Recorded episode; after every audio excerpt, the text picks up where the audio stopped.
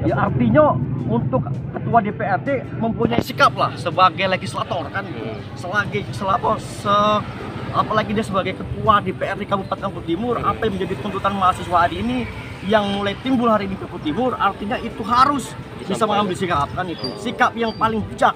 Karena sebagai penyambung lidah rakyat selaku anggota DPR harus bisa mengambil suatu sikap yang sangat bijaksana. sikap apa itu maksudnya Di- Ya artinya apa yang jadi tuntutan masyarakat teman-teman hari ini, mahasiswa hari ini Hmm. itu bisa terakomodir oleh DPRD hari ini disampaikan kan ke gitu. yang lebih tinggi Ya, lagi itu pastinya Pak. siapa Dengan- namanya dari Budi Tara, Budi Tara ketua sebagai ketua DPC Gemini Yogyakarta. ini apa dalam aksi ini sebagai apa? Korlap koordinator Dalam aksi ini kita sebagai mahasiswa Pak, KTI Korlab di sini kita satu komando. Karena ini satu kegelisahan yang sama apa yang dirasakan teman-teman mahasiswa semuanya. oke terima kasih ya Ya.